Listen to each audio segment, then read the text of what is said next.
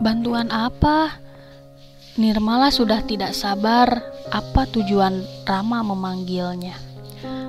Bantu aku untuk mengakhiri masa lajangku.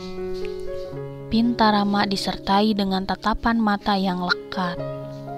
Gadis mana yang tak tersipu dengan binar tatapan Rama saat ini?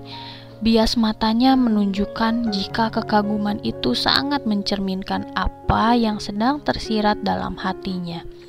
Nirmala merasakan pipinya menghangat. Perasaan gugup sangat menguasai dirinya. Jawaban apa yang akan Nirmala berikan kepada Rama?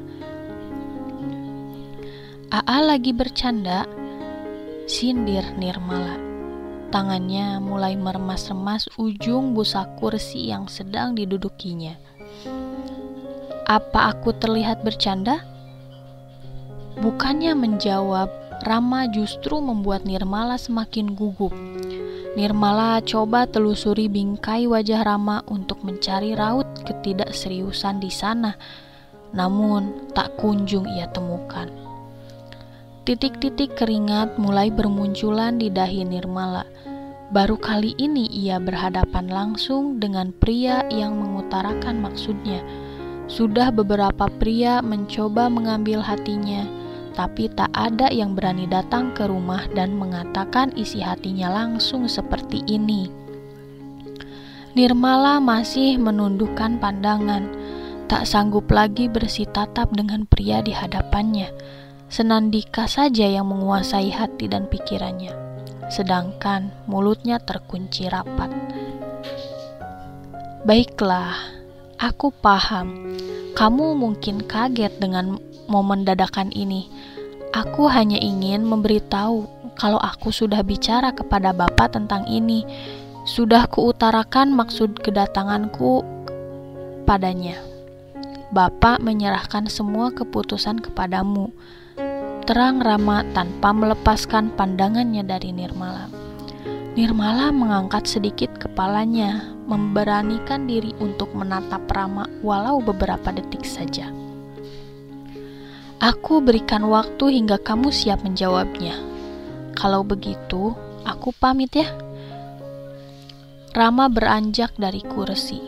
Nirmala pun beranjak dan segera menuju ruang tengah untuk mengabari orang tuanya kalau Rama mau pulang. Setelah berpamitan, Rama langsung pulang ke rumah. Walaupun perasaannya masih tak karuan karena jawaban belum Nirmala berikan. Besoknya, Rama sudah menunggu Nirmala di depan gang. Rencananya, selama cuti ia akan mengantar jemput Nirmala sebagai ikhtiarnya agar hati Nirmala mulai luluh dan mau menerimanya. Rama bukannya tak mempunyai teman wanita yang dewasa dan bisa diajak nikah, namun cinta pada pandangan pertama terhadap Nirmala sulit ia palingkan. Keramahan, kepolosan, dan sederhananya keluarga Nirmala sungguh membuat Rama tertarik. Kepribadiannya cocok untuk dijadikan pendamping hidup. Meskipun sebenarnya Rama pesimis karena keluarganya adalah pendatang baru di daerah tempat tinggal Nirmala. Rama hanya berharap jika dia berjodoh dengan Nirmala. Aa, lagi ngapain di sini? Nirmala baru saja sampai di gang, menghampiri Rama yang sedang bersandar di sisi gapura. Nungguin kamu, Senyuman mengiringi sampai kalimat selesai diucapkan. Oh, a, a, ada apa, A? Tanya Nirmala dengan berusaha menghalau perasaan gugup yang menyergap tiba-tiba. Mau ngentar, mau nganterin kerja Neng. Gak usah repot-repot, A. Angkot kan sudah gak demo lagi. Nirmala berusaha menolak tawaran Rama dengan halus supaya tidak menyinggung perasaannya.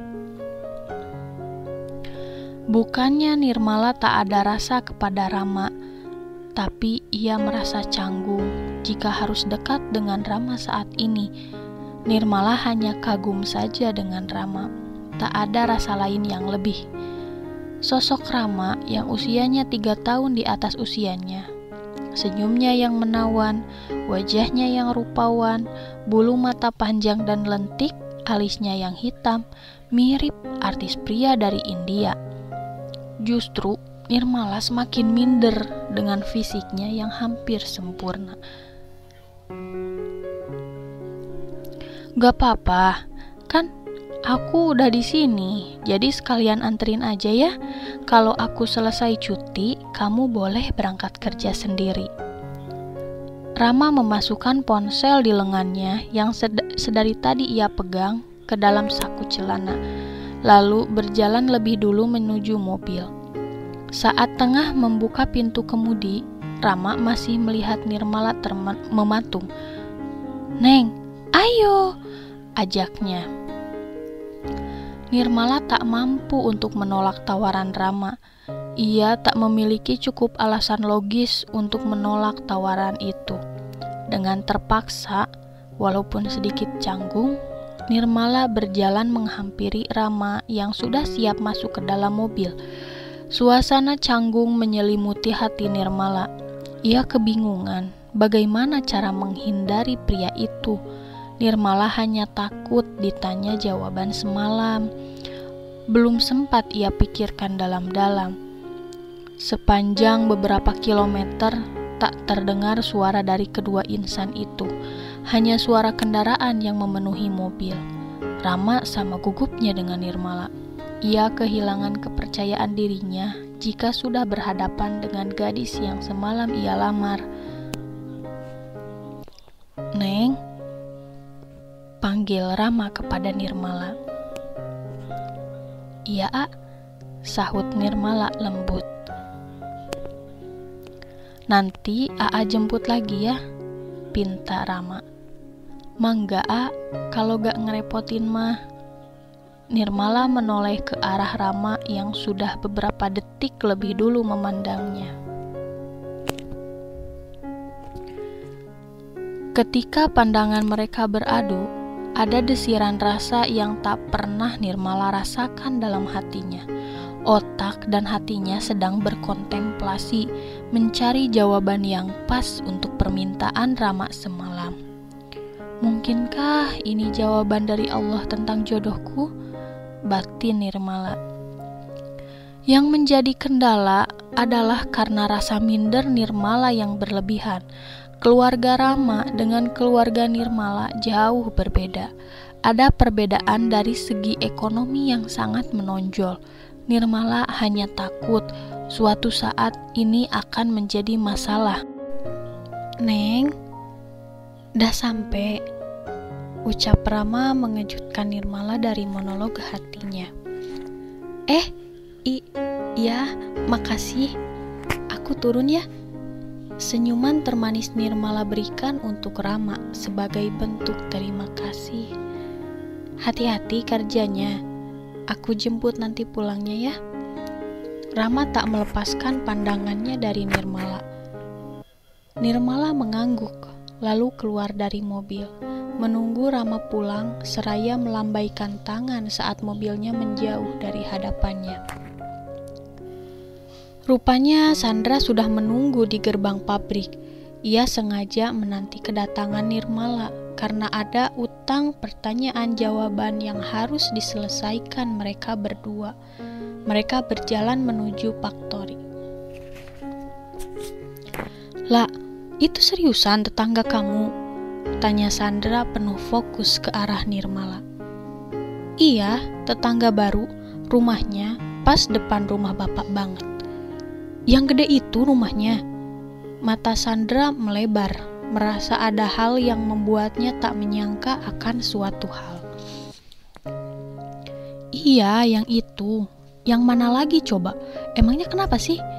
Nirmala terus saja berjalan sambil sesekali menyapa orang yang dikenalnya di sepanjang langkah.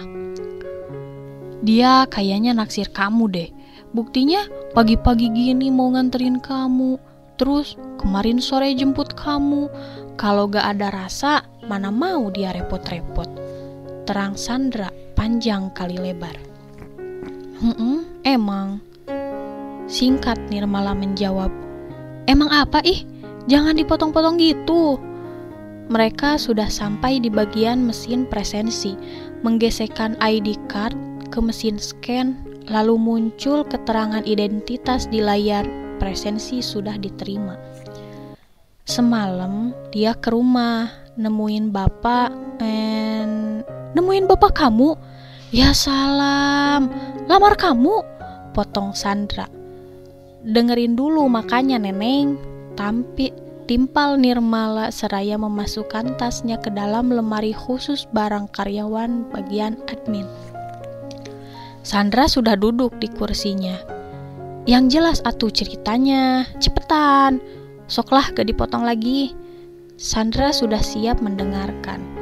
Jadi, semalam Ba'da Isya, Rama ke rumah sama bapak barengan. Pulang dari masjid abis sholat berjamaah aku gak tahu mereka ngomongin apa. Nah, abis selesai ngobrol sama bapak, dia mau ngobrol sama aku. Bapak panggil aku. Eh, dia minta bantuan. Nirmala menghela napas, menjeda kalimatnya sebelum dilanjutkan. Bantuan apa? Tanya Sandra. Lensa matanya lagi-lagi fokus penuh ke arah Nirmala. Bantuan untuk mengakhiri masalah jangnya. Cetus Nirmala. Maksudnya gimana itu teh? Tanya Sandra yang semakin kepo. Dia minta aku buat jadi pendamping hidupnya. Nirmala datang, Nirmala datar saja waktu mengucapkan kalimat itu.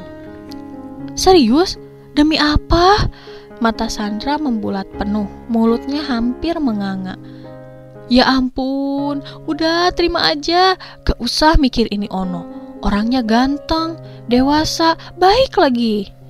Masalahnya, keluarga dia orang berada, aku minder. Nirmala menjawab dengan lesu. Emang A.A. Rama itu kerja apa sih? Dia pengacara. Ya ampun, ya ampun, ya ampun. Udah jalani aja dulu urusan keluarganya mah jangan diambil pusing. Dia ngomong ke bapak kamu pasti sudah musyawarah sama orang tuanya bukan? Sandra meyakinkan. Aku gak tahu sih, tapi aku akan pikirin lagi. Sandra tersenyum seraya mengelus lembut bahu Nirmala yang terlihat murung. Mungkin karena beban pikiran yang tak biasa membuat wajah Nirmala seolah kehilangan keceriaannya. Usianya memang sudah 27 tahun, tapi untuk hal jodoh ia tak mau gegabah. Takut salah langkah. Ucapan Sandra pun tak ia abaikan begitu saja. Ia pikirkan dan pertimbangkan antara seruan hatinya dan ucapan Sandra.